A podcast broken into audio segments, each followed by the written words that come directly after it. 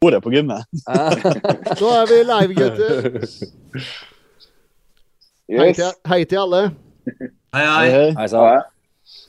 Eh, jeg må bare spørre deg, Hassan, eh, for oss uh, uvitende, hva er id egentlig? Id-feiring? Altså Det er jo etter at man har fasta 30 dager, uh, 30-31 dager, altså ramadan, der Ja. man fa- fasteperiode for å på en måte tenke på de fattige og alle som ikke har mat. da. Så mm, går man igjennom en sånn prosess der man eh, spiser eh, før sola går opp, og så spiser etter at sola har gått ned igjen. Når man har gjort det i 30 dager, så feirer man på en måte det. da. Det er jo id, eller jul, som de kaller på norsk. Okay. Så da, da gjør man det samme. Utdeler litt eh, gaver og samles familie og spiser litt middag. Det er litt sånn vanskelige tider nå med tanke på covid, men uh, vi får det nå til. Mm. Ja. OK, da har jeg lært meg noe nytt i dag også. Kort forklart. Ja, Ja. Vi har en uh, nykar med oss i dag. Roger Holsæter, velkommen. Hei, hei, og takk for det. Veldig hyggelig at du kunne bli med på litt eh, kort varsel. Vi har jo eh, Flisa, vi fikk med Flisa en halvtime her i hvert fall, men han er jo nede i Spania og jeg vet ikke hva du driver med der, om du ser etter damer eller om du faktisk gjør noe fornuftig. Ingen kommentar. litt, litt, litt av alt, kanskje. Jeg er jævla sliten i beina, for å si det sånn. Jeg flyr Hoff mye på hotellet. Ja, faen, det, jeg skulle ønske det. Nei, det er, eh, det er mye løping og lite resultat. Bar til bar. Ja, vi sier det bar til bar, kan vi si. Det var lurt. Banen Flisa, hvis du drar ned til Spania for å få tak i dama, så må vi ha en alvorsprat. Dette er bare mellomlanding, Hassan. Jeg skal videre. Ah, ja. Han skal til Thailand.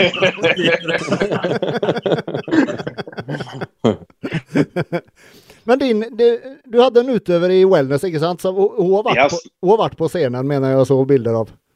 Ja, stemmer. Hun var på tidligere i dag. Så stilte i, eh, i Wellness junior og fikk eh, tredjeplass. Å, Det var veldig moro. Jo, takk for det. Var det mange med i klassen, eller?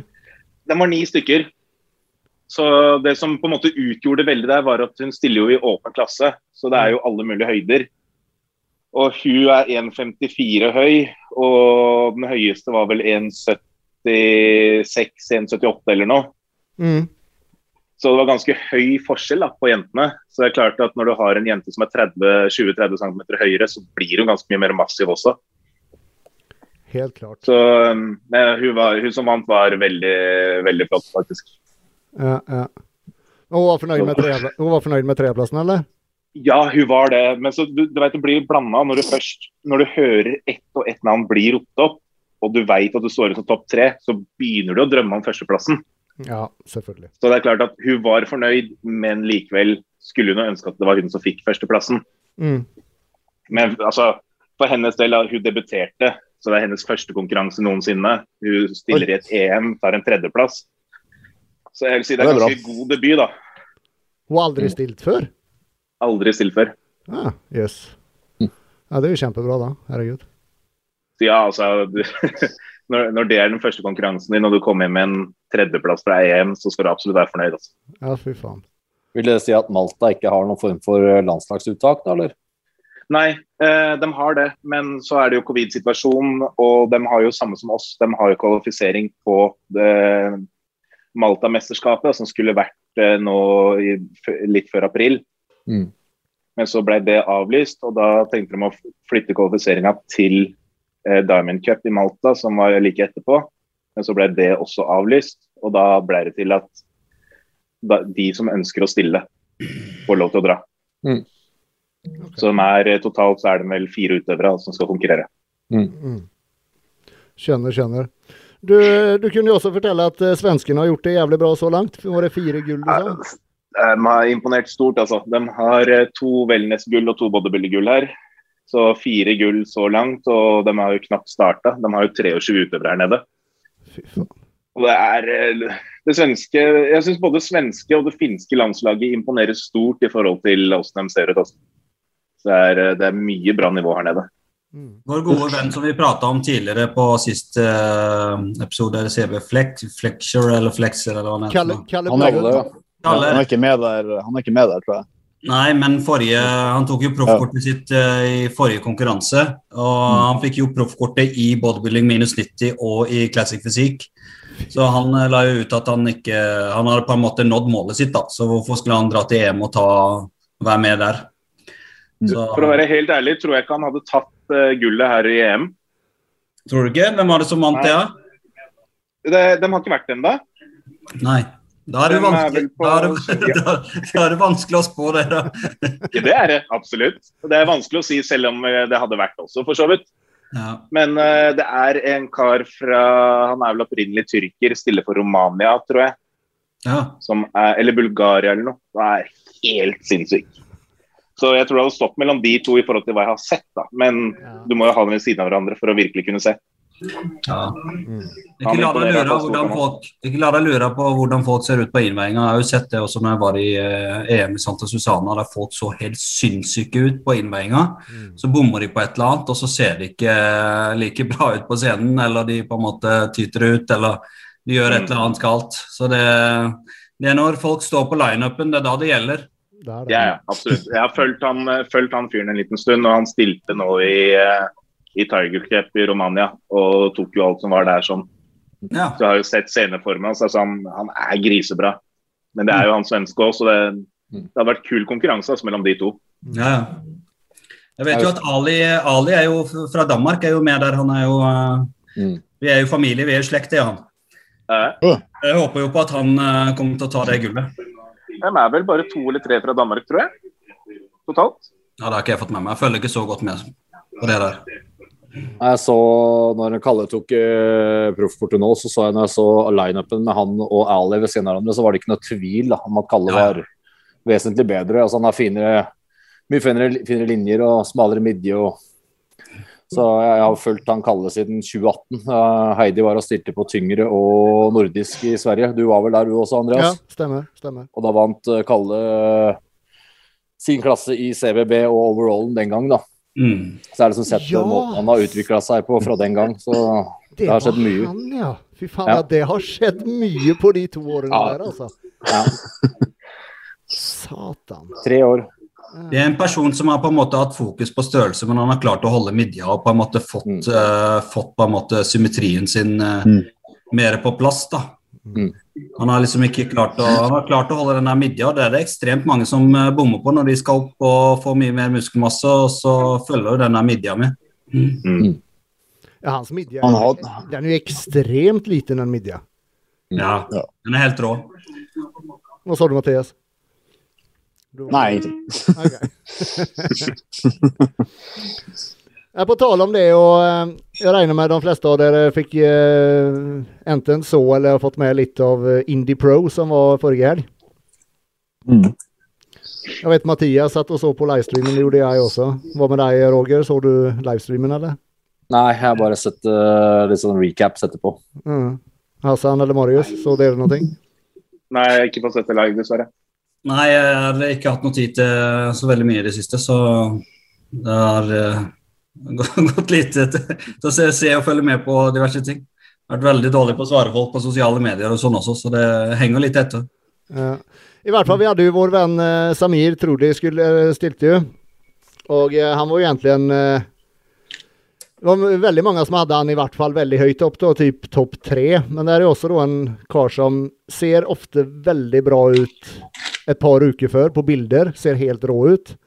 Men så er det noe som skjer siste uka. Men han bruker jo ikke noe coach. Da. Han, han gjør jo alt sjøl. Han la vel ut at uh, kroppen ikke hadde respondert ordentlig de siste to-tre ukene. og Så får du litt panikk, og så gjør du kanskje ting du ikke skal gjøre. da. Mm. Det er veldig mye stress innblanda. Ja. Jeg synes også når han stilte på Olympia, sånn, hvis du ser på han og, og, de som er helt i toppen, de kommer inn mye mer krisp også. Mm.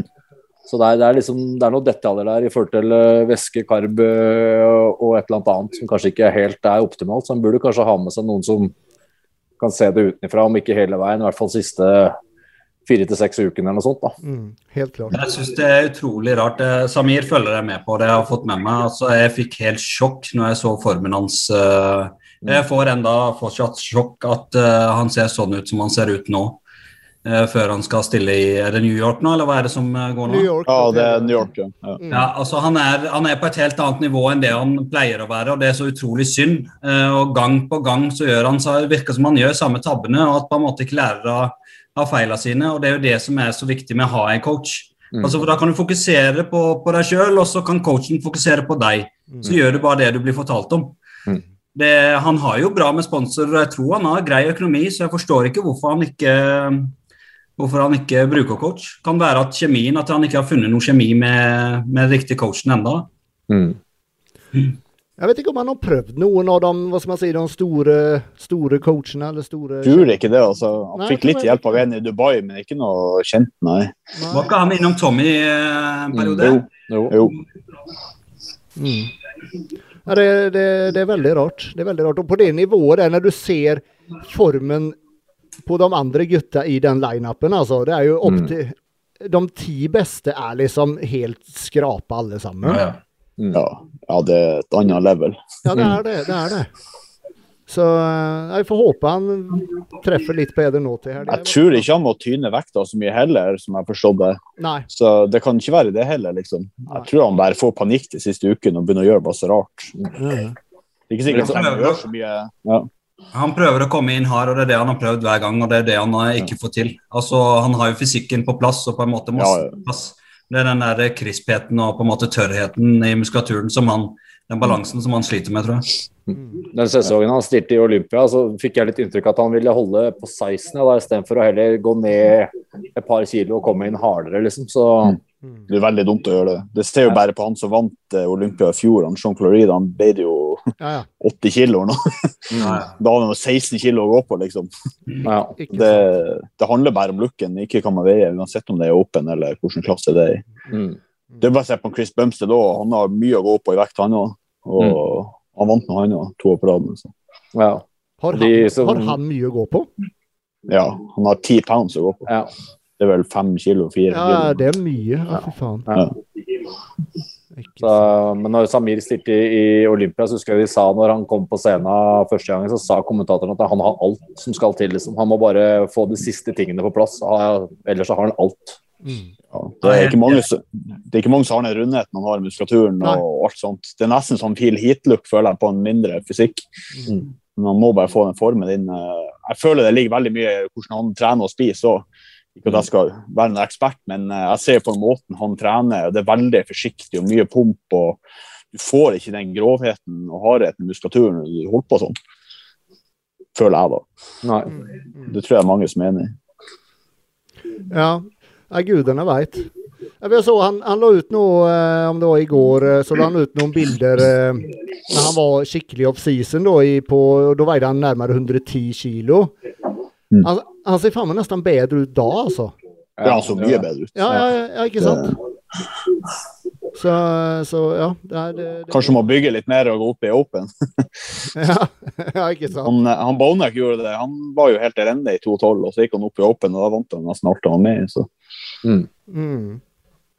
Ja, men hvis han ikke klarer å få til hardheten her, så hvordan skal han klare å få til hardheten med å gå opp 30 kilo, da? Det blir liksom sånn der eh, Jeg tenker, Hadde jeg vært han, så ville jeg kanskje ha prøvd Jeg er ikke noe ekspert, altså. Jeg er ikke noe pro-ekspert eller noe som helst, men jeg har fulgt med litt. Altså, hadde, det vært, hadde jeg vært han, så ville jeg første steget jeg ville gjort nå, er å få tak i en coach, og det er kjapt.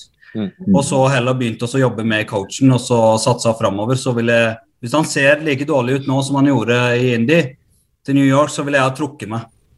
For det er ikke hans standard. Og det er så synd å se, for Samir er en utrolig god atlet egentlig, og har en sinnssykt god framtid. Ja, i hvert fall nå. Nå har han fått til masse gode sponsorer òg. Det er jo liksom Gas på Better Bodies og så uh, Hostile. Mm. Så han har jo Mm. veldig, veldig sterke Veldig sterke Jeg tror han har en eh, sponsor fra Dubai òg, mener han sa i et innlegg, noe private greier. Ja, det er en prins eller eller et eller annet som sponser Ja. han. Ja. Mm. Så det skal ikke stå på pengene, så han må bare ta seg sammen. Ja. Hvor mye koster Mm. egentlig en av de store coachene, typ Chris Acito, uh, Haney Rainbod? Jeg vet i hvert fall eh, han eh, Patrick Thor for eksempel, han koster rundt 20-25 for en hel oppkjøring. Jeg tror det er kanskje seks måneder eller noe sånt. Så det er ikke sånn sinnssykt 25 000 egentlig. kroner eller dollar? Ja. Kroner, kroner. Kroner, ja. Ja. ja er ikke Og. Er du en eh, coach fra utlandet, Marius? Hva det? Var ikke du en coach fra utlandet? Jo, stemmer. Max Charles. Hvor mye betaler du for han? Han eh, ligger normalt sett på rundt 12 000 for eh, tre til fire måneder oppfølging. Ja.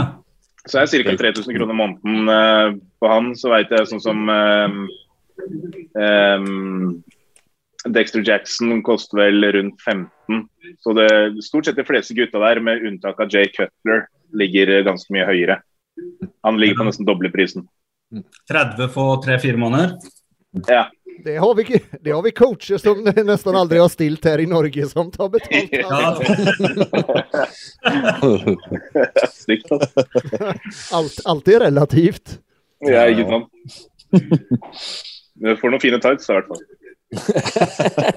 Han dyr tights. Nei, han eh, Hani Phil Heat han uh, søkte opp en gang, og så tenkte jeg nå skal jeg satse all in det noen år siden. Og sjekka prisen på det, jeg tror det var 50 000-60 000 kroner eh, for tre-fire måneder eller noe. Da tenkte jeg fy søren. Såpass, ja. Ja, det var, det var noen helt ekstreme summer, og da tenkte jeg det er, søren, det er jo ikke verdt det. Det er liksom ikke Så god er du faktisk ikke. Selv om han på en måte har fått flere folk til å vinne Mr. Olympia, men eh, med tanke på mitt nivå, da, så er det liksom ikke Det er overkill. Da har Ja, det blir kanskje, kanskje litt too much. Ja, det er too much. Da har vel kanskje ikke helt genetikken til Filit heller. Nei, langt derifra. Nesten samme ryggen, da. Ja, ikke langt unna. Det er good. Et par centimeter. Ja, fy faen. Skal dere se på eh, New York Pro, da? Live? Går det i helga? Ja, det er Ja. på, i, i morgen er det vel? Er det ikke det? Klokka da? Begynner to eller på et, ettermiddag, tror jeg. To eller tre, eller noe sånt der. Begynner så tidlig. Ja, så det, for forbedømmingen er eh, åtte lokal tid, og det er i Florida, og det er jo pluss seks timer her. Eh, To, da. Ja, så to, og så finalene begynner vel eh, var klokka fire lokal tid, så det er klokka ti her da, cirka. Ja, vi er et gjeng som samles her og ser finalene, i hvert fall. Ja, kult. På, på, på storskjerm. Så får vi se. Men nå er det vel mange klasser, det er ikke bare bygging. Jeg tror det er wellness og uh... Jeg tror det er, jeg tror det er alle klassene, er det ikke det? Mm, Ja. Som er der. stemmer det. Jeg tror det er til og med rullestolbygging òg, så ikke det er feil. Ah, såpass, ja. Mm. ja. Hvem vinner av eh, Blessing og uh, Nick, da? Nick Walker? Nick. Blessing han kommer ikke i topp fem. tror det, i hvert fall. Kanskje topp fem. det, Han har blitt altfor liten. Ja, det var Ja. dårlige greier. Og sørgelig. Hvem vinner, da? Eh, Vin, eh, vinner Nick eller Justin? Jeg tror Nick tar den. Eh, Han kommer inn i litt skarpere form. Han, er, han har bedre flow sånn uh, fysikkmessig. Han har liksom Alt stemmer overens med hverandre. Han har liksom, det er ikke noe som skiller seg ut. Alt er liksom greit. Men så Justin han har litt dårlige bein, han har en rygg som kanskje er veldig mye bedre, og så har han masse annet som er veldig mye dårligere. Mm. Og han kommer ikke inn like crisp og grainy som han Nick gjør, og han har jo også allerede kvalifisert seg. Så han har kanskje ikke akkurat den samme gnisten, tror jeg, da, som han hadde forrige show, kanskje. Som kan utgjøre litt. da. Ja, nå er, eh? For nå er han jo allerede kvalifisert til Olympian. Mm. Det tror jeg dommere kan tenke litt på, hvis som kommer litt sånn på det politikkgamet òg. Så det er vanskelig å si. da. Mm. Men det er vel noen pengepremier inn i bildet og sånn også, som kanskje lokker litt? Nei, jeg vet ikke. Ja, ja, ikke sant? Jeg vet ikke hvor mye det er der, egentlig. Det er ganske høyt, eh, i hvert fall på New York Pro, tror jeg. Det er jo den største konkurransen utenom Arnolds Olympia, typ. Mm. Så jeg vet. Og jeg vet jo generelt i New York Pro så går de jo ofte for de største karene. Gjør de. Det var De det liker- Ian eh, vant i fjor, var det? ja Og han eh, Nick er vel størst sånn fysikkmessig. Han eh, Hva heter han? Han, eh, han andre der, da. Han har jo mye bredere rygg og sånt, men ellers er han ikke noe bedre, syns jeg. da. Justin. Nå- Ja, det er ganske mye prispenger. I fjor så var det totalt 719 000 dollar. Så jeg tror det er ganske, så jeg tror det er ganske. Det er fordelt over alle klassene. eller? Ja, ja. Mm. Ja. Og så får de en ring òg, den som vinner. Det er jo litt tøft. Ja, stemmer det. Stemmer det. Kult Ja, aldri sånne- i gamle dager i NM her, faktisk, eh, når Bjørn eh, var med og en del eh, Jeg fikk ring på NM når jeg vant. Ja. Ja, stemmer det.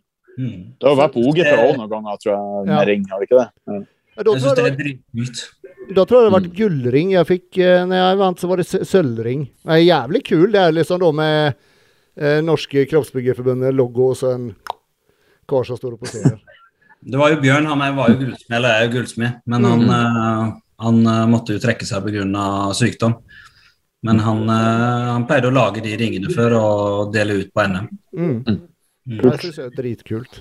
Ja, ja. Jeg håper de får det igjen. Jeg syns det hadde vært eh, dritkult. Og ikke minst det med beste posør i alle, i alle konkurranser. Og at jeg syns det er så utrolig dumt at ikke de har det med heller. Syns du heller kunne hatt et digert sverd der nå? Ja, men faen, det går jo an å få til. Det er jo ikke så vanskelig å få til. Det er jo liksom Du bestiller det via nett, og så kommer det. liksom, Jeg vet ikke hvordan det er med tanke på toll og sånn, men det, ah, det er en pyntegjenstand. Det er fullt mulig å så lage litt sånn eh, en sånn kul ting ut av det. Mm. Så skal, hvis det skal være ring, så må det være litt sånn Superbowl-kvalitet over den ringen, syns jeg. da. Med, Diamanter og greier. ja. Nei, Da må vi være flinke og rekruttere og få alle til å være med og betale årlig. Betale medlemskapet. Kan, kanskje da så kan man, eh, kan man ha noen eh, Kan man ha noe å si der. Ja. Men det kan jo hende, sånn som med, med det med ring og sånn, det kan jo hende at det finnes noen gullsmeder et eller annet sted som er interessert i oss å sponse og, med å lage noen ringer. da. Mm. Om, om ikke til alle klasser og sånn, så kanskje til overall i alle klasser eller et eller annet. da. Ja, ja. Så Absolutt. det går jo an å fri litt. og Noen har sikkert noen kontakter rundt omkring, så må utnytte det. Jeg tror de har kontakt med Bjørn enda. Det hadde vært kult å få han med på laget igjen. da. Men det er jo på en måte noe man kan ta Det kan man jo ta på forbundstinget og så spørre litt om. Det er ikke så lenge til det. Nei. Mm. Helt klart. Åssen er det oppe hos deg, Roger? Du bor i Gjøvik, ikke sant? Stemmer. Gymmene der har vært åpne hele, hele veien, eller?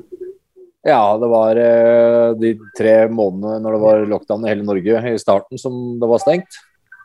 Og etter det så har det vært oppe og gått. Det siste av restriksjonene vi hadde, var at du måtte trene på gym eh, i den kommunen du bor i. Det er det eneste. Ja, jøss. Så her har vi hatt Samme, samme som oss, da.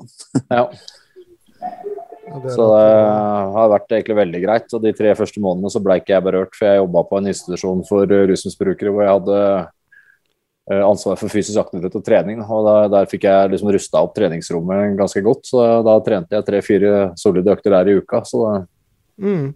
Men sånn etterpåklokskap så skulle jeg kanskje tatt fri. Latt kroppen få hvile.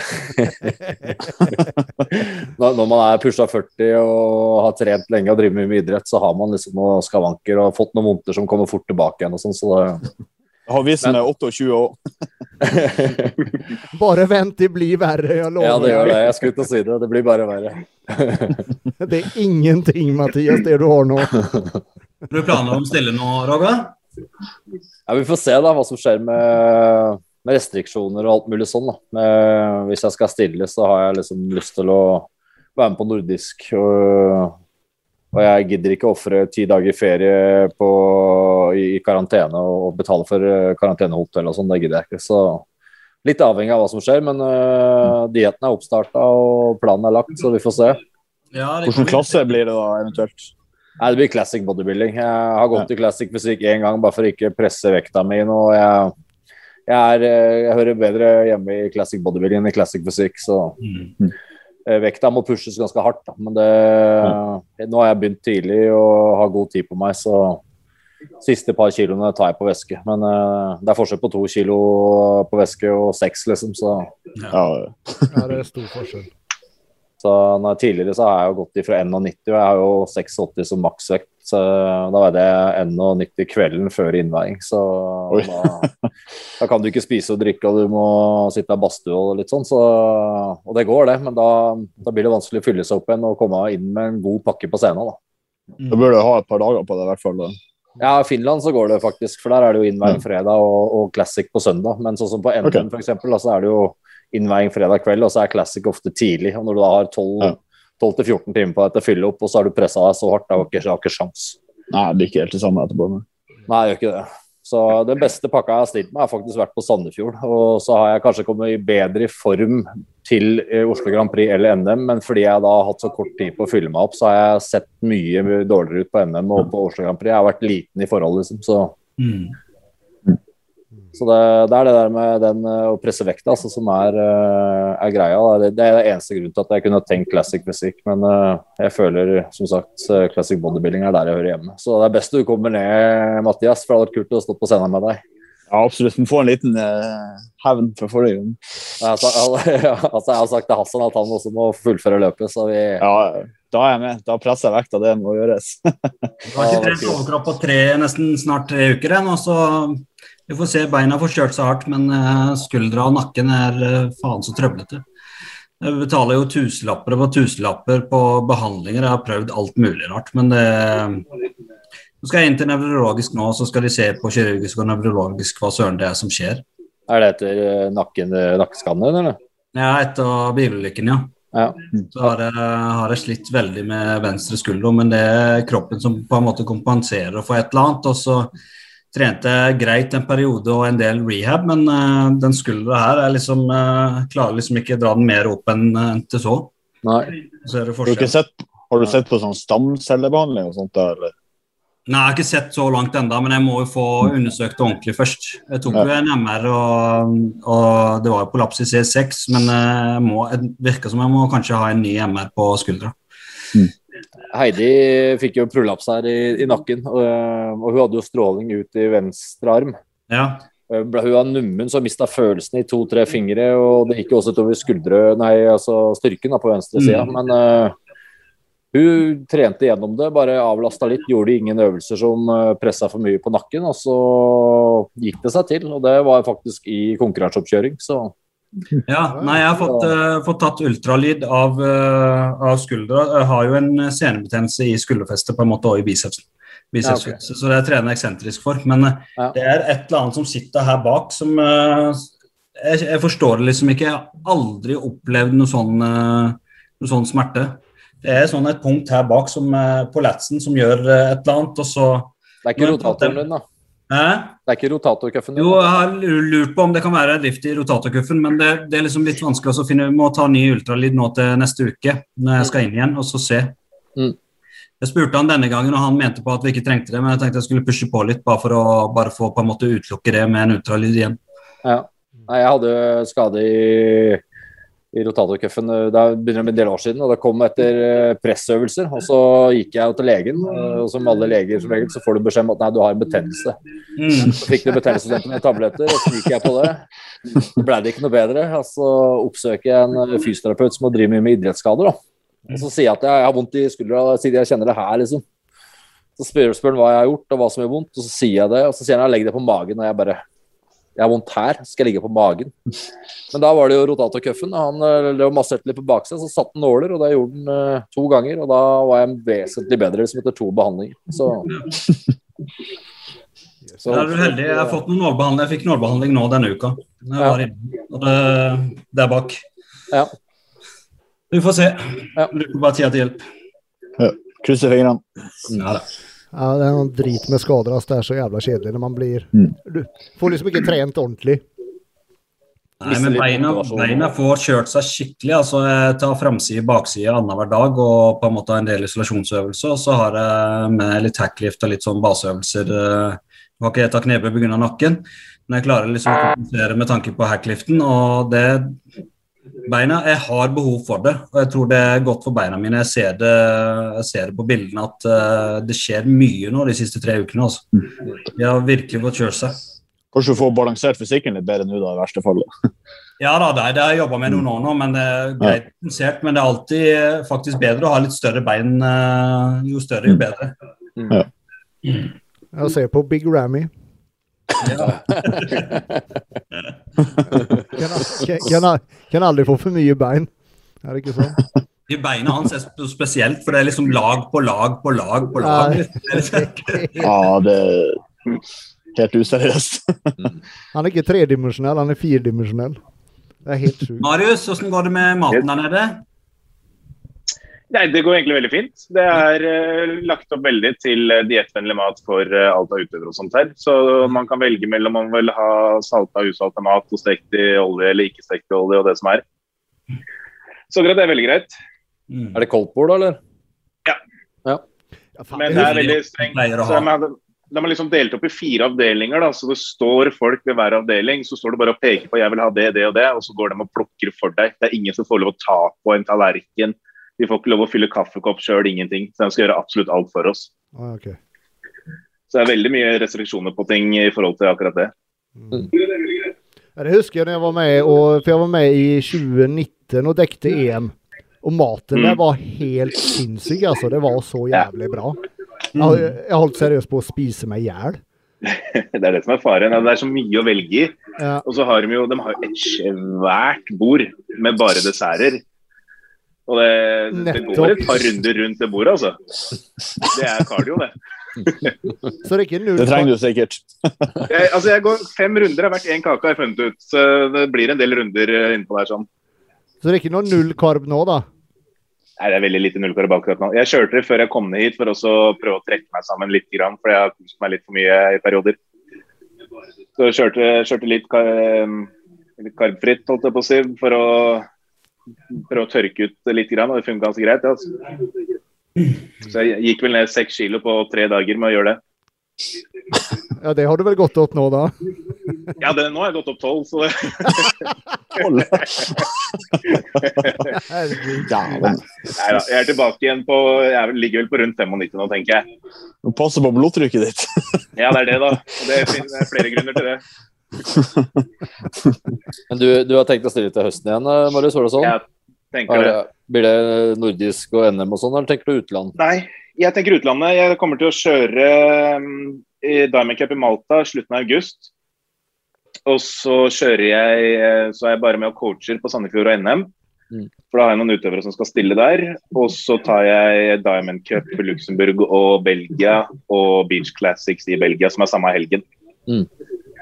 Så blir det fire konkurranser der. Så så det spennende å se det. Det er to konkurranser samme helga. Ja, to konkurranser samme helg. Det er samme, det er ABC eh, Events som arrangerer eh, Han som arrangerer det, sitter eh, som arrangør for eh, Diamond Cup Luxembourg og er vel med og arrangerer Mal nei, Belgia også. Og så har han et ekstra stevne som det foregår på to, are, to e- forskjellige scener da, på samme arena. Så han har kjørt litt mer den der eh, fullversjonen hvor du har Det kommer til å være alt av kampsport og diverse styrkeløft og mange forskjellige elementer inne i arenaen som går hele dagen. Så det er lagt opp til at de som stiller i Beach Classic, kan først stille der, og så går de over på andre sida, så stiller de da i eh, Diamond Cup etterpå. Og På samme dag, da, eller? Jeg er litt usikker på om det blir samme dag, eller om man legger det opp til at du har Diamond Cup den ene dagen og Beach Classic Classicen neste dagen. Det har jeg ikke helt uh, sjekka. Jeg møtte han her sånn i går, så jeg fikk noen brosjyrer og sånt da han på det. Nei, Heidi Så han er jo- Ja, bare fortsett, du. Ja, nei, det var ikke så mye. Altså, han, han er jo dritfornøyd, så han, han prøver jo å få meg til å få med flest mulig ned dit nå. Fra, fra Norge, for han syns det er dritkult. Så han har, har jo vært, uh, vært invitert til Norge flere ganger for å være med her og ha stand og sånn. Mm. Så um, han ønsker å få med flest mulig ned dit. Ja, da Heidi stilte i 2018 på tyngre, så var det tyngre lørdag, og så var det eh, nordisk på søndag. Men det er jo både vanskelig og tungt da, å klare å få alt til å stemme på to dager. da. Ja. Mm. Ja, av, Avhenger veldig av klassen, tenker jeg. Altså, Menns fysikk er ikke all verden. Det er uh, Der er det ganske greit. Når vi snakker classic og bygging generelt, så har det noe helt annet å si. Hun er jo ikke bygger, da. Nei. Altså, Hun stilte i body, da. Så, men det, Ja. Mm. likevel så er det, det er, Ja, er jo tungt, da. Ja, Man skal jo treffe formen uansett. ja, han skal, det. ja. Ja, Just det, hvis man har kutta væske, og så da Du må jo fylle på etter første konkurransen, ikke sant? Mm. Og sen kan det bli vanskelig. Og så det å holde seg fra å spise altfor mye, og, og så må du jo spise òg, ikke sant? Så det, ja, det er vanskelig. Mm. Men på om husker, Nei, jeg, fortsett. jeg husker i hvert fall etter uh, tyngre uh, på lørdag, så husker jeg hun var helt i kjelleren. Hun var så sliten, og så skulle liksom prøve å lade opp og mentalt eh, liksom forberede seg til en ny runde. da, så, Mm. så det tok liksom sitt, da. Så, og hun var uten tvil best på lørdag, på første konkurransen. Ja. Da var hun i finalen, og hun slo jo Det var et veldig bra stevne med veldig bra utøver, og da slo hun jo jenter som var vesentlig større enn seg, så det Hvordan gjorde dere det da, Roger? Var det sånn at dere holdt veldig igjen på karben etter konkurransen, eller?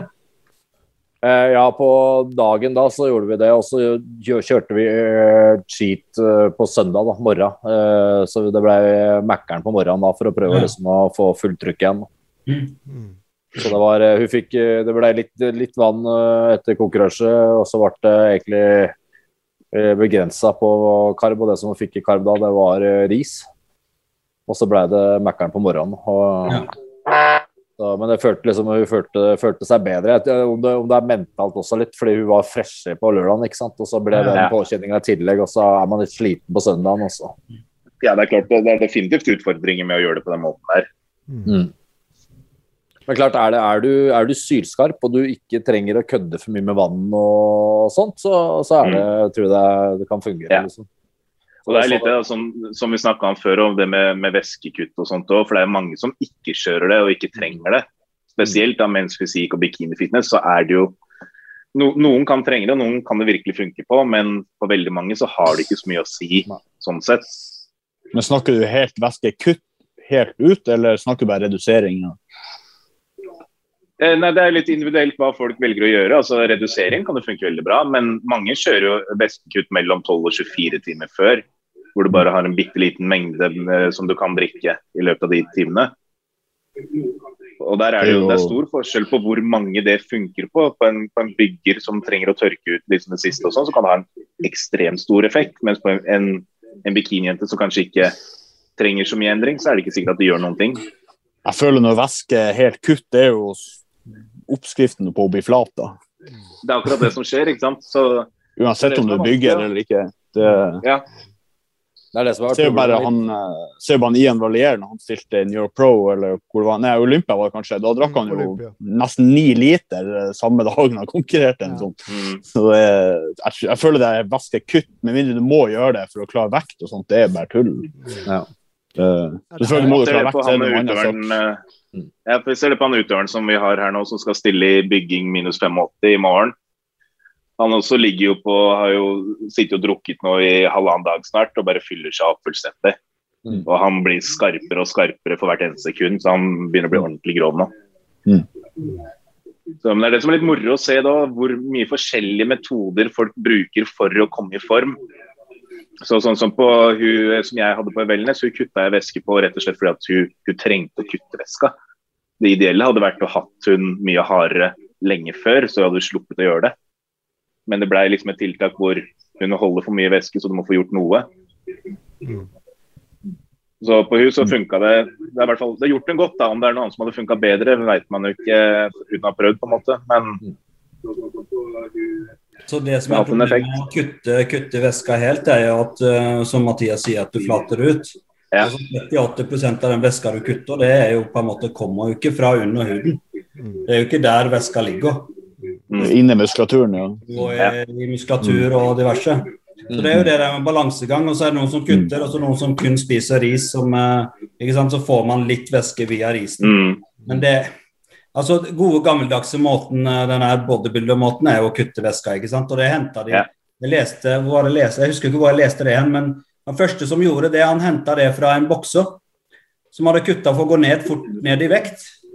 Og han klarte ikke på en måte skulle veie seg inn til så og så mye, så da begynte han også å kutte vannet, og så var det flere og flere som tok etter. Og så har det på en måte bare gått videre med historien at mm. Oi, får du kutte vann, så blir du mye hardere og mye linere i, eh, i formen. Ikke sant? Så det er jo, det er jo egentlig ikke, ikke optimalt, men hvis man ikke er i form, så, så må man jo eh, prøve de her småtriksa for å prøve å kutte seg Men det, det er liksom sånn fordeler og veldig mye ulemper med det, da. Ja. Og det, det er litt der det kommer, da, sånn som i bikinifitness f.eks., hvor du ikke skal ha så veldig mye muskelmasse generelt på den måten. Du skal ikke ha noe synlig kutt og skal ikke ha veldig synlige abs eller noen sånne ting. Så er det ikke så farlig heller om du flater ut heller i muskulaturen. Selvfølgelig til en viss grad, men det vil ikke skade dem på samme måte. Sånn som, men det vil ikke gi dem den samme effekten heller. De vil jo ikke få det der, den fine tørrheten og crispen. da. Jeg ser jo nivået i bikinien på en måte år etter år. Nå husker jeg fra si for eksempel, eh, Jeg husker ikke når det kom. Var det 15-14? 12. Hæ? Norway Open 2012 i Trondheim. Ja. stemmer. Stemmer. Men uansett, altså den utviklinga som har gått fra å være de var, de var ikke så harde da, til å bli hardere og hardere og hardere liksom, og bedre og bedre form. eh. Og Det er liksom noe som har fulgt med, som har vært diskutert også veldig mye når det gjelder bikini. Eh, det med, med at det ikke Altså, de må ha muskelmassen på rett plass. Det er ikke sånn at du kan komme en uh, liten sulfide liksom inn som ikke har noe muskler noe vei, og ta på seg bikini, og så passer du bikini. bikini. Det er jo bare å se på Solveig som vant nå på NM sist, på det korona-NM. da. Ja. Mm. Hun var, jo, hun var jo på en måte stor for en bikinijente å være, og jeg syns det var akkurat sånn det bør være. Mm. Muskelmassemessig med Du har bra skuldre, hun har lett, hun har bra lår og alt sånt. da. Ja, hun bikker liksom ikke over. Hun er, eh, hun er en veldig fin mal, eh, synes jeg, for, eh, for bikini. Mm. Hun bikker liksom ikke over til bodyfitness body fitness eller en annen gren. Mm. Videoen din døde. Mathias, videoen din døde. Ja, må også, må også prøve å ringe meg. Ja. Ja, Men eh, jeg er nødt til å stikke av gårde. Det var veldig hyggelig å være med en liten stund. Ja, takk for, takk for Ja. oppdateringen. Jo, bare hyggelig. Lykke til Skal videre. prøve å oppdatere videre. Jo, takk for det. ta det pent med damene nå. Jeg kan ikke love noe. Jeg kan love at jeg oppdaterer, i hvert fall. Det er det eneste jeg kan love. Ja, det er bra, det. ha det. Yes, nei, dere får kose dere videre. Snakkes vi. vi. Ha det, ha det. Ha det. Ha det. Det jeg skulle si, da, var når vi var på, jeg var på dommerkurs eh, Så han der eh, internasjonale dommersjefen var jo der, og så var det snakk om da body fitness, da, med tanke på liksom, hvilken klasse det tilsvarer i forhold til, her, til menn. da. Ja. Og så var det det her med naturlige overganger og sånn, så jeg lurte på hvorfor det ikke var vektbegrensning i bodyfitness på samme måte som i classic bodybuilding. Da. Men der mente de at det var fordi hvis det blir vektbegrensning, så vil de presse seg enda hardere, og så vil de bli enda skarpere, og det blir enda mer usunt og sånt. da. Ja, ja. Men, men jeg, jeg skjønner det fortsatt ikke, for de gjør det jo likevel, det er veldig mange. da. Ja, Så, og det er jo en klasse som skal være litt hardere også, så uh, istedenfor at det da står noen som det skiller seg liksom ti kilo på scenen, så kan de heller kjøre så det blir uh, jevnere klasser, da. Mm. Jeg er helt enig. Jeg har opplevd eh, gjentatte ganger også der damer kommer og har tverrstriper hele veien på ræva. Mm. Altså Når du er hardere enn nesten eh, byggerne som står på scenen, enn mannfolka, da har du dratt det litt for langt. Da har du misforstått litt. Mm. Ja. Mm. Men da, da, må man, må jo også, da tenker jeg at da ligger det et ansvar til dommerne også. Hvis man ikke vil ha de så skarpe, da, så må de dømme ned de som er såpass harde, så, sånn at man skjønner at det er ikke noe vits å, å shredde så jævlig, da, for det vil ikke være en pluss, ikke sant.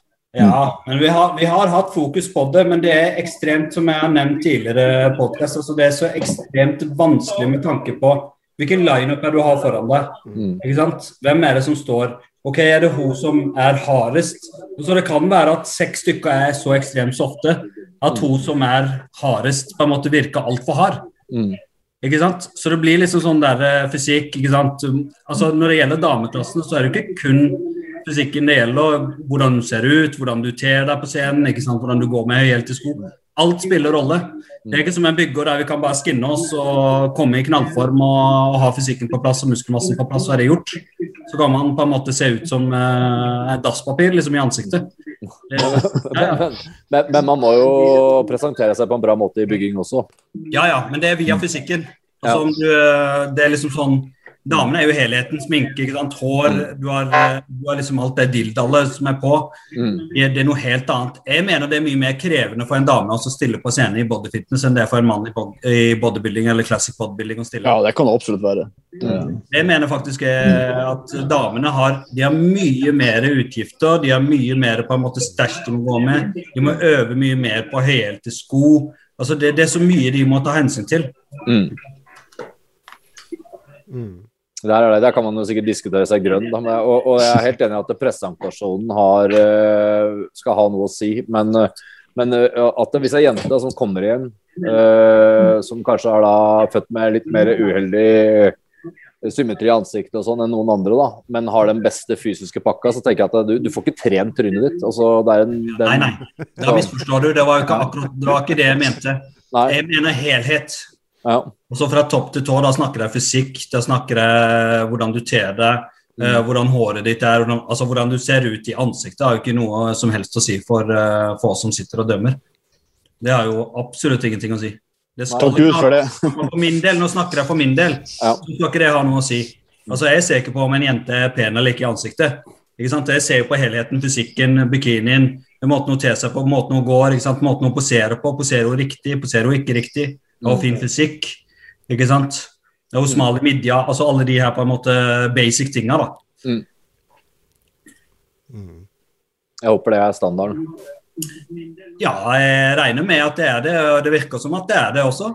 Mm. Jeg tror ikke at det er noe annet. og Det er også nevnt tidligere at gjennomsnittet på dommerpanelet er eh, rimelig likt.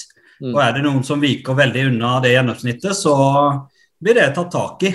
Mm. Eh, Dere ser ikke hva som skjer bak kulissene, men eh, de følger veldig godt med oss. Og hver person blir på en måte etter konkurranse og blir De går igjennom alle resultatene våre, og så får vi en prosentvis eh, med tanke på dømminga.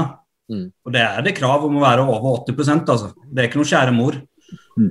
Gjør du det, er- du under 82 tre ganger, så er det, får du tilsnakk om at hei, kanskje dette her ikke er noe for deg, eller at du må ta et nytt dommerkurs eller et eller annet. Hvordan er rekrutteringa på dommerfronten? Nei, nå er det vel stopp. Vi er vel ekstremt mange, men det må du ta eventuelt med Henning og Kim. For det har ikke jeg oversikt over. Jeg sitter ikke i noen dommerkomité, jeg er bare en dommer. Mm. Men eh, jeg tror at det var vi sist, når vi prata sammen på NM, så var det rimelig fullt. Og da hadde de begynt å si nei til folk, for at de hadde, vi har så mange nå. Ja, men Det er bra, det. da. Ja, ja, det, Ja da, det er kjempebra. Jeg er veldig fornøyd med at på en måte, det er en del av den her eh, yngre garden som kommer inn nå, med litt fresh blod, og Mm. eh, som kommer inn på dommerpanelet. Mm. Det, det er veldig bra. Vi har dommerkurs hvert år, og det er eh, det har vært litt vanskelig nå med tanke på coviden, men jeg husker jo at du Roger var til stede når han Pavel var der. Mm. Eh, og jeg hadde et eh, online-kurs nå med tanke på internasjonal dømming over, over nett, over Zoom, og det, de, følger, de følger med. Kult. De gjør det. Jeg må bare fortelle en, en jævla morsom historie som jeg kom å tenke på i stad når vi snakket om det å eh, stille to dager på rappen. Ja. I, eh, I eh, 2005 må vel dette ha vært. Det er mulig du, Roger, husker, husker du Trond Sandslett? Han stilte i Atletic Fitness noen ganger. Nei, det tror jeg ikke. Jeg vet Hvis ikke jeg ser er den, kanskje. Ja. Du vet hvem det er, Mathias? Ja. Ja. Han henger på, han henger på veggen her eh, nede i Ja, gangen. ja, ja, ja, ikke sant? Han, han, han og Edmund stilte mye sammen. I hvert fall så i 2005 da, så skulle de prøve å innføre bodyfitness for menn. Og da var det kun eh, frontposering og så Eller det var jo just de kvartvendingene da for menn, for de skulle- skulle ha liksom sånn, samme som bodyfitness for jenter. Så i hvert fall så stilte han da Trond i eh, dette, og han eh, vant. Dette var på lørdagen. Så vant han. Eh, og eh, så på kvelden så gikk han sånn skikkelig på fylla. Ble ordentlig dritings. og, så, og så våkna opp da Han våkna vel opp i gangen eller noe sånt dagen etter i hotellgangen. det var så ordentlig på fylla. Så i hvert fall så, så, så eh, Jeg husker ikke om han kom og knakka på For jeg, jeg, jeg lurer på om jeg dømte på den tiden der, eller hva som faen det var. Så kom han i hvert fall lurte på åssen Faen, se på meg, han er helt skrapa, da. For han våkner opp, ikke sant, vært på fylla, du er jo helt dehydrert. Så da lurte han på om han skulle stille igjen da, i Atletic Fitness. Herregud. Ja, ja, ja, ja, ja bare hiv deg på, sa jeg. For han, han, han så jo bedre ut da enn han gjorde dagen før. Han var så tørr. Eh, men det som skjedde da, så fort, så fort han bare rørte litt vann, så var det bare Da var formen helt borte. Så jeg husker, jeg husker ikke helt hvordan det gikk, men han, han, han stilte i hvert fall, og jeg tror han gjorde det greit. Men, eh, men den, den sinnssyke formen da som han hadde når han våkna opp fra fylla, den, den forsvant bare etter et glass med vann, liksom. Det er kun folk nordfra som finner på å gjøre sånt. Ja, ikke sant?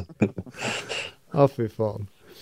Det er jo veldig mange som får ekstremt trøkk dagen etterpå. altså at uh, På scenedagen så har de liksom ikke det trøkket, og så ser du de dagen etterpå, så har de noe sinnssykt trøkk i muskulaturen. Mm. Men der tror jeg vi er tilbake til det med på en måte balansen, den vannbalansen og, og Så er det også litt det der at eh, man, ja, man tør ikke karbe nok. Man er redd for å spille over. Er man sinnssykt bra form, så skal det mye til for å ødelegge det med karb. Mm. Altså. Ja, ja. Men sen er det også en ting da da man syns ofte man ser så sinnssykt bra ut dagen etter. Greit nok at du gjør det kanskje på gymmet eller som på hotellrommet ditt eller hjemme, men det er også noe å stå på scenen i det lyset der. Hadde du sett like rå ut der, liksom? Ja, det er sant. Men, men helt klart, mange ganger så, så burde man fylt på mye mer enn man kanskje gjør. Så handler det vel mer om å ikke tulle så veldig mye med salt og vann. Ja.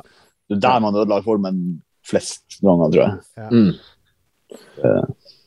Jeg husker ikke hva han, eh, han heter. Han er eh, Håvard, han heter han, eh, han på Kaliber, eh, Mathias. Mm. Ja, husker jeg. Ja, når han stilte sist, så syns jeg han sa at han karba nesten ikke noen ting. Når han Nei, det var- Det var vanvittig lite.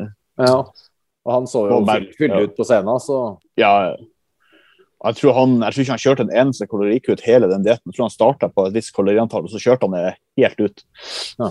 Uten et eneste kutt. Mm. Det, mm.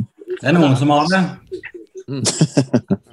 Men sen, sen er det det, er, er du i form en uke før eller to uker før, liksom Så trenger du ikke gjøre noe annet. Nei, bare nettopp. Det fortsett er samme bare, reis. bare fortsett.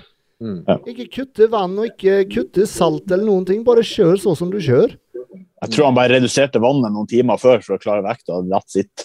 Ja, ja, ikke sant? Og du så jo at det funka. Mm. Men det er jo noe som er De er veldig heldige, de som har det sånn. Altså for, men snakker jeg for min del, eh, Under innveiinga så må jeg jo på en måte nesten kutte vannet en dag eller to før for å, for å klare, klare vekta. Jeg Mm. pusher, pusher meg, Da pusher jeg meg sjøl 10-15 kilo. Likevel så er det liksom ikke nok. Ja. Det, er, eh, det blir liksom sånn der, det er, det er begrensa hvor mye du kan skrape vekk før du på en måte begynner å tyne på muskulaturen. Mm. Det er jo på en måte Når man er så lav som jeg er, så hvis det begynner å tyne på muskulaturen i tillegg, så er det jo ikke noe igjennom. Mm. Og Da er jo det med vannkutt på en måte For meg så er det essensielt for å klare innveiinga. Mm. Og så har jeg alltid problemer med å få tid til å fylle opp etterpå, med tanke på at classicen pleier som regel å være på ei lørdag. Mm. Det er jæklig kjipt. Det, det, er liksom, det er faktisk noe eh, kanskje forbundet burde tenke på, og noe man egentlig burde ta opp. At de bør ha, ta hensyn til det og så sette det på søndagen for bygging og classic. Ja. Problemet er jo når det Stille på sitt beste. ja. ja, det er det jeg tenker om. men Det blir jo et problem der da, når eh, NM og sånn f.eks. av og til går på en dag. da. Ja, ja. Så, men eh, jeg sa, sa jo fra til Elise at jeg håper jo at eh, de som går i classic, og de som faktisk må kanskje må presse vekta, som kan få lov til å veie inn først. ja. Ja. Ja. Klart, noen Helt timer bare kan jo være en liten ja, det kan være natt og dag, det. Ja, Mm. så Ja, Hvor langt over pleier du å være, Hassan, da? Sånn normalt uten å kutte væske og sånt? Hvor mange kilo er pleier da? to-tre to, tre kilo cirka. Ja, ja, det er mye. Og Problemet er etter innveiinga så prøver jeg å få i meg litt væske ikke sant? og prøver på en måte å karbe litt opp. Men da, liksom når du har kutta vannet og begynner å drikke igjen, så skjer det et eller annet. Det blir liksom sånn, Du kan ikke ta helt av med vannet heller, så det er den der balansegangen. Ja, det er vanskelig å få til å trekke inn i muskulaturen. Og, Ja, du, du får litt, eh, jeg får litt problemer med det, og da er liksom Kanskje jeg har vært litt forsiktig med det, men jeg føler liksom jeg har aldri stilt på mitt aller beste når det gjelder det der trøkket. Jeg husker jo overallen i 2014. Da husker jeg mellom, eh, mellom eh, eh, mellom klassen, altså den lave klassen, og på en måte overallen, så drakk jeg en, eh, en boks med Cola Zero. Og eh, fikk i meg en del, eh, en del eh, karb. Da var, jeg, da var jeg i veldig bra form, føler jeg, til overallen. Da hadde jeg mye mer trøkk i muskulaturen og følte det blir jo bedre og bedre jo mer du poserer, også, så trekker det seg inn. Det ser man jo ofte når man er på scenen òg, at etter to minutter på scenen så ser du helt annerledes ut. Ja, ja. At du får, det er det som eh, folk burde kanskje gjøre ellers òg, når de driver og karber opp eh, på hotellrom sånn. Poser, poser, poser hvert kvarter, om så kjør runde på serien, få til å trekke inn. Istedenfor Mm. bare ligge og sove i senga. Det var det jeg fikk beskjed av eh, min coach uh, når jeg drev og karbe, er at etter hvert måltid og sånn, så liksom, la det gå en liten stund, og så eh, posere og stramme muskulaturen litt og prøve å jobbe liksom det inn i musklene. Ja. Kjøre litt strikk eller et eller annet. Ja. Men du kutter ikke vannet du, Roger? Jo, jeg må kutte, kutte hardt for å klare Ja. vekta. Så, Ja. Så det er det som er problemet mitt. Det er det jeg sa i stad. Det med Oslo Grand Prix og NM når du veier inn på fredag og stiller lørdag morgen, så blir det, blir det tynt, da. Mm. Så, men på Sandefjord det er der jeg har vært på mitt beste, fordi jeg, der har jeg hatt to døgn. Mm. Så når jeg vant der og stilte i overallen bl.a. mot Erik Widlund, så det er kanskje den beste pakka jeg har hatt på scenen. For der, da var jeg bra hard, og jeg var ganske fyldig. Så Mm. Jeg er spent på hvordan det blir for min del. Det blir noe helt nytt for meg. Å måtte presse vekta, det har jeg aldri måttet ha gjort før. nei. Så vi får se hvordan det går. Har du bestemt deg om det blir classic eh, bygging eller classic fysikk? Nei, Det tar jeg når den tid det kommer. Det tar jeg hvordan looken er og hvordan jeg ser ut når den tid nærmer seg. Om det er vits å presse ned vekta eller ikke. Mm. Jeg føler alt jeg går på looken, egentlig. Mm. Det, Men tror du Mathias, at hvis du presser deg for mye, så forsvinner en del på en måte av den fysikken din med tanke på skuldrene dine og brystene dine og den der eh, Altså Beina Ja, dine er jo kjempebra, men det er jo den der eh, trøkket i skuldrene dine som du på en måte har behov for for å kunne det kan godt hende jeg må presse for hardt. selv må presse for hardt, så kan det godt hende at det blir vanskelig å fylle opp igjen på en dag. Ja. Ja. Så Det kommer litt an på når den tid nærmer seg, hvordan de blir å legge opp konkurransen og sånt.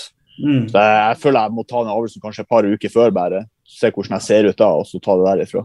Men da kjører du classic bodybuilding på nordisk, da, for der har du to døgn på deg eh, til å fylle opp. Og så får du kanskje heller gå i fysikk på NM. Ja, et eller annet, får se. Det Ja. er artig å prøve begge klassene på en eller annen måte. Ja. Se, se hvordan som passer meg best. Mm. Det er vanskelig å si. Det, det, er så lenge, det er jo tre år siden jeg stilte nå, så jeg føler jeg ser helt annerledes ut nå i forhold til hva jeg gjorde da. Så det, blir, det er vanskelig å si hvordan det blir. Men åssen er det hvis man eh, drar til nordisk eh, Hvor lenge etter det er NM, med tanke på den karantenetida? To uker. Ja, så da slipper man akkurat ut, holdt jeg på å si, fra hotellet, og så er det på han igjen. Mm. Det blir spennende å klare å få det til for å kunne stille i NM med tanke på Jeg blir, eh, jeg kan si sånn, blir ikke å stille på nordisk om jeg må i karantene. Det går ikke. Da blir jeg heller å bare kjøre Sandefjord NM. Ja. Så det må bare se litt utover sommeren hva de øvrige makter sier eh, om det problemstillinga. Jeg trenger ikke ta helt stilling til det ennå. Det Nei, det er jo nevnt at uh, de restriksjonene skal holdes helt til november, da, så, men jeg vet ikke, det sto vel i Dagbladet eller VG. Men man vet jo aldri. Nei, det er, jeg føler det forandrer seg fra uke til uke hva de sier òg, så det er umulig å si. Jeg, jeg tror det kommer an på flere ting. Det kommer an på hvilket land man reiser til. Og så tror jeg Ja. det kommer an på om du er fullvaksinert og ikke. Og det er flere ting som spiller inn, tror jeg. Så, Ja, og det det, tror er jeg ikke, er ikke sikkert en veit det før det er liksom rett rundt hjørnet. ja, jeg tipper om du er fullvaksinert innen den tid, så får du ganske flere friheter enn man har ellers. Mm. Ja. Så, men det, er, eh, det som er dumt, da, er at man må liksom sitte på vent. da, Hvis man skal tenke på liksom, hotell, fly og de tingene her, da, så blir det ofte veldig mye dyrere å bestille rett før. ikke sant? Så, ja. så Vi diskuterte med Heidi om vi skulle bestille flybilletter. for jeg så nå så kunne man bestille flybilletter, og så er det hvis man ikke reiser Også på, på økonomi, da. Hvis man ikke reiser, da, så vil man få en 50% refusjon. da. Ja, det går. Så, ja, og Da var det ikke så mye vi mista, men vi har ikke gjort det ennå. Men det, var, det er en tanke, liksom. Så Hun har vi får til se. sti- Hun har lyst til å stille òg, eller? Heidi? Ja, hun har starta Diat, hun også. Så får vi, for hun, hun er liksom der jeg er, at hun må se hvordan ting utvikler seg og alt mulig sånt. da. Men uh, vi skulle egentlig stille mix pair sist, som vi ikke fikk gjort. Da. Det, det har jeg fortsatt en liten drøm om å gjøre. Da. Så Jeg skal stille i mixed pairs med Hossan, tenkte jeg. ja, det hadde vært fint. Han får høre ikke etter det. Er det mange fra, er det, er det mange fra 24 nå som, som har meldt interesse liksom, å stille til høsten? Ja, det er en del. eh, Også akkurat hvor mange det er, vet jeg ikke, for jeg har ikke oversikt over alle de andre sine atleter. Men eh, jeg aleine har nå ved oppstart ti stykker, da. Som skal stille til høsten? Ja, Å ja, såpass, ja. så, Er det mange classic eller bygging, da? Uh, fire i classic, én i classic fysikk, uh, men's fysikk, bikini og body. Så jeg har liksom nesten hele regla. Hele spekteret? Ja. Det er jo kjempebra at du har fått så mange med i Classic. ja, det er kjempegøy. Veldig, veldig gøy. Så jeg har to av de er på Gjøvik, så det er jo på noe ja. Ja. Yes. Så har jeg en i Bergen, og så har jeg jo en uh, Kaibari i classic fysikk, da. Ja, i Kristiansand, ja. Ja. Så, så det blir veldig, veldig spennende. Trener du på gymmet til han uh, irakeren, han uh, Ahmed? Er det Ahmed han heter? Ja. Ja, du trener, ja. ja. Ja. Kanskje jeg kjenner nedover og tar økta når, eh, etter IFB-møtet på slutten av mai. Ja, det hadde vært kult, da. Det er det de har var film, filma deg og Heidi, ikke sant? Ja, stemmer. Ja, Skikkelig bra gym, altså. Ja, veldig bra. Nå, er han, nå driver han og skal fylle på litt utstyr som kommer til høsten, så det er liksom noe småtteri som mangler, da, som vil komme inn. da. Mm. Og så er det mer lokale der som også blir ledig, så han driver og vurderer å utvide i tillegg. Da. Så det, det er knallfint. Kult. Så, Ja, det er så stort og romslig. Hva er det du sa? Hva er den pipelyden for noe? Det er Mathias fra Mathias, det kommer iblant. Burp. Ja, det, jeg får en snap her og der. Jeg bruker telefon. Ah, ja. Jeg jeg tenkte faen, det høres ut som et eller annet. Så ja. Jeg glemte å skru av vibratoren min i stad.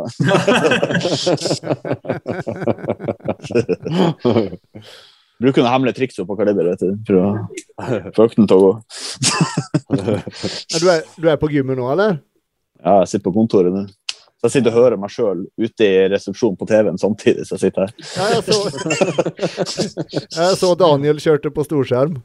Det er kult, da. Ja. Ellers, da? Har vi noe mer å prate om i dag? Det ble stille. Ja, Jeg aner ikke. Jeg har akkurat trent bein, så jeg er litt i ørska. En, en, en ting som er fra liksom, som, som i hvert fall ikke har med bygging å gjøre, men det er eh, når, du har sett, når man ser på nyhetene nå om dagene Jeg syns faen meg det er drap hver og varannan dag. Folk knivhugger, og folk skyter, og faen, det har vært så jævla mye. Eller mye mer enn normalt. Jeg lurer på om det er av det. Men det, det er jo for at de var så dumme og gikk ut i avisen så nå har det ikke vært drap på to-tre måneder, og så eksploderte det etterpå. da, da, da, da følte de gjerninga, ja, ikke sant? Ja, Nå må vi få opp statistikken her. Folk kjeder seg litt for mye. vet du, Hva skal man gjøre? Jo, da går man på gata og så stikker man ned noen. Ja. Det, nei, da, det, det, folk er det mye galninger. Men det, det skjer jo også. Det, det kommer jo sånn tidsperiode, tror jeg, der det er mye, mye ting i omløp. og Mm. ja, Sommeren er rett rundt hjørnet, og mye gjengopprør kanskje. og Jeg jobber jo med rus og psykiatri, og jeg ser jo det, det er jo miljøene rundt omkring omkring blir jo bare hardere og hardere. og Jeg vet ikke om alt er relatert til rus eller psykiatri, selvfølgelig, da, men det er, i hvert fall de miljøene er det beintøft. Også. Så Tror ikke koronaen hjelper på heller, for å si det sånn. nei. Nei. Eh, jeg tror ikke gatekodeksen her egentlig gjelder nå lenger kontra hvordan det var før. Også Før så var det på en måte, da hadde man eh, respekt for barn og damer. og Det var liksom interne oppgjør. altså Det ble tatt på en måte internt. Det var ikke sånn at det skulle gå utover mannen i gata. nei. Nå er det mannen og dama i gata blir rana på lyse dagen. og det, Mm. det, er liksom, det er så ekstremt mye som har forandra seg fra vi vokste opp. da. Mm. Det, det, er, det er veldig spesielt egentlig hvordan det har eh, hvordan det har utvikla seg. Beklager. Nå fikk han snap, ja. Det høres nesten ut som, du, høres nesten ut som han promper. Ja, ja. Vi er karv inn- innabords. Ja, ikke sant? Jeg ser jo de veldig, veldig mange sliter med den psykiske helsa. Jeg, altså, jeg snakka med en tidligst i dag, eh, en god venn av meg, som, som sa det at han vet faen ikke hva han skal gjøre av seg nå. Altså, jeg holdt på å bli helt gal. Han, han vet liksom ikke hva skal jeg finne på. Og så er det flere som jeg kjenner, som er altså barndomsvenner av meg, som har uh, vært en del i rusmiljøet, og så har de blitt gode i mange år og ikke vært borti det, og har sklidd ut nå i koronatida, faktisk. Mm. folk kjeder seg, vet du. Det er som du sier, at de som uh, kanskje har vært med på ting som har med frivillighet å gjøre, og sånn, da, så har, de, har ting blitt stengt ned, arrangementer og sånn, så da har de ikke noe å gjøre. Så, Mm. eh, når kjedsomheten kommer, så er det lett å bli lokka med på ting, da. Ja, ja. Så, og de som har slitt psykisk, de sliter kanskje enda mer nå pga. Isla, enda mer isolering og sånn. Og så er det i helsevesenet så er det du sitter i kø, ikke sant. Så Ja. da er du dårlig. Hvis det, hvis ikke er klin psykotisk eller et eller annet, så, så blir du ikke lagt ut inn i akutt, og da må du sitte og vente på en time på DPS. Da. Og det, det kan gå tre måneder, det. ja, ja. Så, Ikke sant. så det er ikke bare bare å være sjuk i dag, dessverre. Nei, absolutt. Nei, fy faen.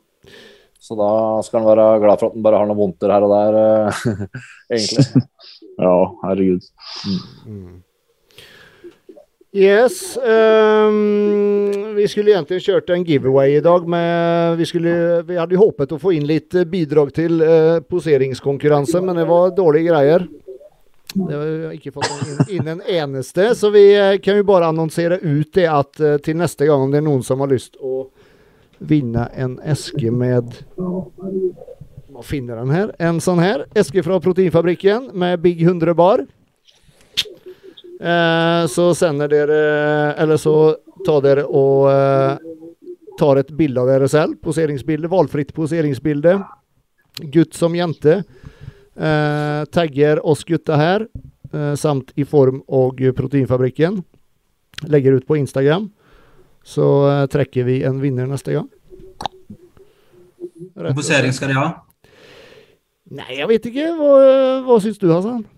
Var det, var det ikke snakk om eh, leggposering sist? da? Kanskje derfor det er så svakt? Mye tynne legger. Ja, kanskje det er det som er.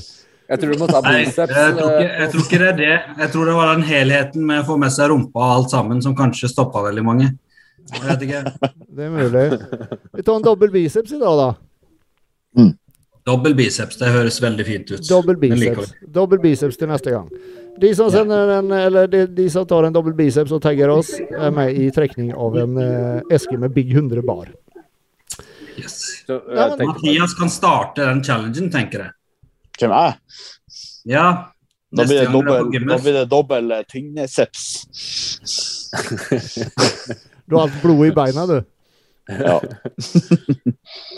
Du var på vei å si noe, Roger. jeg bare tenkte på bare sånn i forhold til uh, de som ser på, om de har muligheten til å sende inn ønsker om temaer og sånn. Uh, ja, egentlig. Uh, man kan jo enten da kommentere live nå på YouTube, de som sitter og følger med. Og sen er det jo også enten sende meg en eh, melding, eller i form en melding på Instagram. Eh, eller, no, eller hvem som helst av gutta som er med, egentlig. Mm. Um, ja, rett og slett. Det er liksom bare å sende en melding på Instagram, så Roger, du er på diett nå. Jeg har lyst til å høre litt eh, hvordan gjør du det med tanke på maten og makrofordelingen og litt diverse Nå må du ikke spørre for mye, Hassan. Roger skal være med meg i morgen, skjønner du. Jeg har han som gjest i morgen. Du må spare Ja, Jeg spør deg nå, Ja, Andreas. men faen, jeg må ha noe å snakke med Roger om i morgen. Da, da svarer jeg. Du får, du får høre i Ja, morgen. du får høre, du får høre det i morgen, Hassan. Du får høre det i morgen. Men jeg tenkte faktisk Ja, pleier han kan fortelle litt hvem han er, for det er sikkert ikke alle som hører på den podkasten, som hører på den andre. Altså, Hvem er Roger? Liksom, hva er det han tilhører? Han sitter jo der. han? Han sitter jo der. Ja, det vet jeg. Ja, nei, men- du, kan- du kan kjøre en kort presentasjon av deg selv, Roger.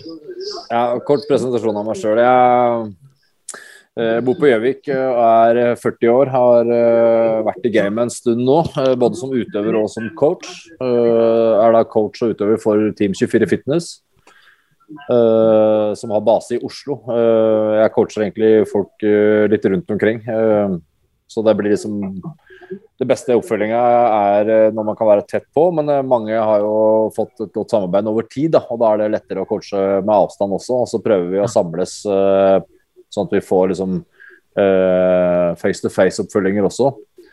Eh, jeg har eh, Som bakgrunn altså har jeg en veldig brei idrettsbakgrunn. Eh, jeg har drevet med veldig mye idrett eh, og er utdanna treningsfysiolog. Og så har jeg en fartstid som PT eh, i tillegg, og en del sånn tilleggskurs. da.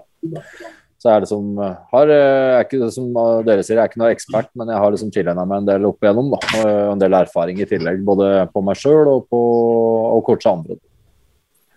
Hvor Sånn mange, sånn har, hvor mange har du nå som du coacher sånn på, på, på, på fast basis, liksom? Oh, det, er, det begynner å bli en del uh, i forhold til konkurrerende atleter. altså Det er ikke folk som skal konkurrere samtidig, da, men sånn uh, all over der så har jeg nok mellom 20 og 25 atleter. Det er såpass, ja. Uh, noen som da vi tenker litt mer langsiktig på, noen som har konkurrert og er i en offseason, og så har jeg de som skal konkurrere nå. Og så har jeg også, coacher jeg også litt andre klienter da, som driver litt mer med livsstilsforandring og, og den biten der da, i tillegg. Da. Og altså, det er ikke bare konkurrerende folk, det er liksom vanlig mann i gata også som har lyst til å komme i litt bedre form og Det er det. Eh, største delen er eh, innen fitness, men, eh, men jeg har også litt andre som jeg hjelper, da. Mm. Kult. Kult. Så, men det er en sånn sideting. Det, det går litt tid på det, men det er, det er min fulltidsjobb er jo innen psykiatri og rus, og jeg driver der med jeg er ferdig med videreutdanning nå innen det, som jeg fortsetter på i to år deltid til, så det blir en mastergrad i psykisk helse. Da. Så det er liksom det, det er voksenjobben min, og så er hobbyen min og lidenskapen min er trening og, og, og kropp, da. Mm. Mm. Yes. Spennende. Jeg vet ikke om det var noe mer du ville høre, Ja, Sven, du får spare litt til stakkars Ja, Andreas. i ja, faen. Du får følge med og se i morgen. Vi skal- ikke ha Andreas på nakken, for å si det sånn. Nei, det går dårlig. det går. Plutselig blir det svart skjerm her. Ja, nettopp. nettopp. Nei men det er litt greit for alle lytterne. Det er sikkert ikke alle som uh, Altså, det er noen som lytter til den podkasten, og så er det noen som lytter til de faste, vanlige podkastene. Så det er greit også å få vite hvem eh, Roger eh, Holsæter er, da. Mm. Helt klart. Helt klart. Veldig bra, eh, veldig bra innlegg der, Hassan. Ja. Veldig bra. Eh, jeg hadde egentlig tenkt at vi trenger egentlig ikke å sitte og holde på i to og en halv time som vi pleier å gjøre. Vi har vært på i over en time allerede. Mathias er sulten igjen. Ja, Passer meg veldig greit Ja, ja. i dag, Mathias. Ja, men så bra. Ja. Mm. Jeg har en hel familie som sitter og venter på meg. Jeg skal spise dessert nå, så Jeg tror vi alle skal spise nå. Jeg er kanskje ikke like ekstremt som deg, men eh, nei. Ja, men Da ses vi neste uke, da. Og Roger, vi ses i morgen allerede. det gjør vi. Yes. Takk for at dere fikk være med. Det er bra. Det er vi som takker. Da snakkes vi, gutter. Hello. Takk for nå. Ha det godt. Ha det bra. Ha det.